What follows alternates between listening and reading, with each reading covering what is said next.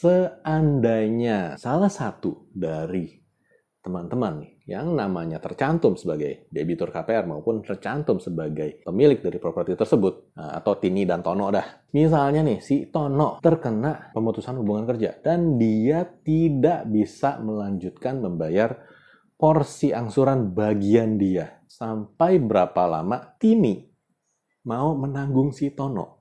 Belum lagi kalau Tono meninggal dunia, tanggung jawab ke ahli warisnya dia seperti apa? Seandainya Tini mau ngejual propertinya, tapi Tononya nggak mau, ini gimana?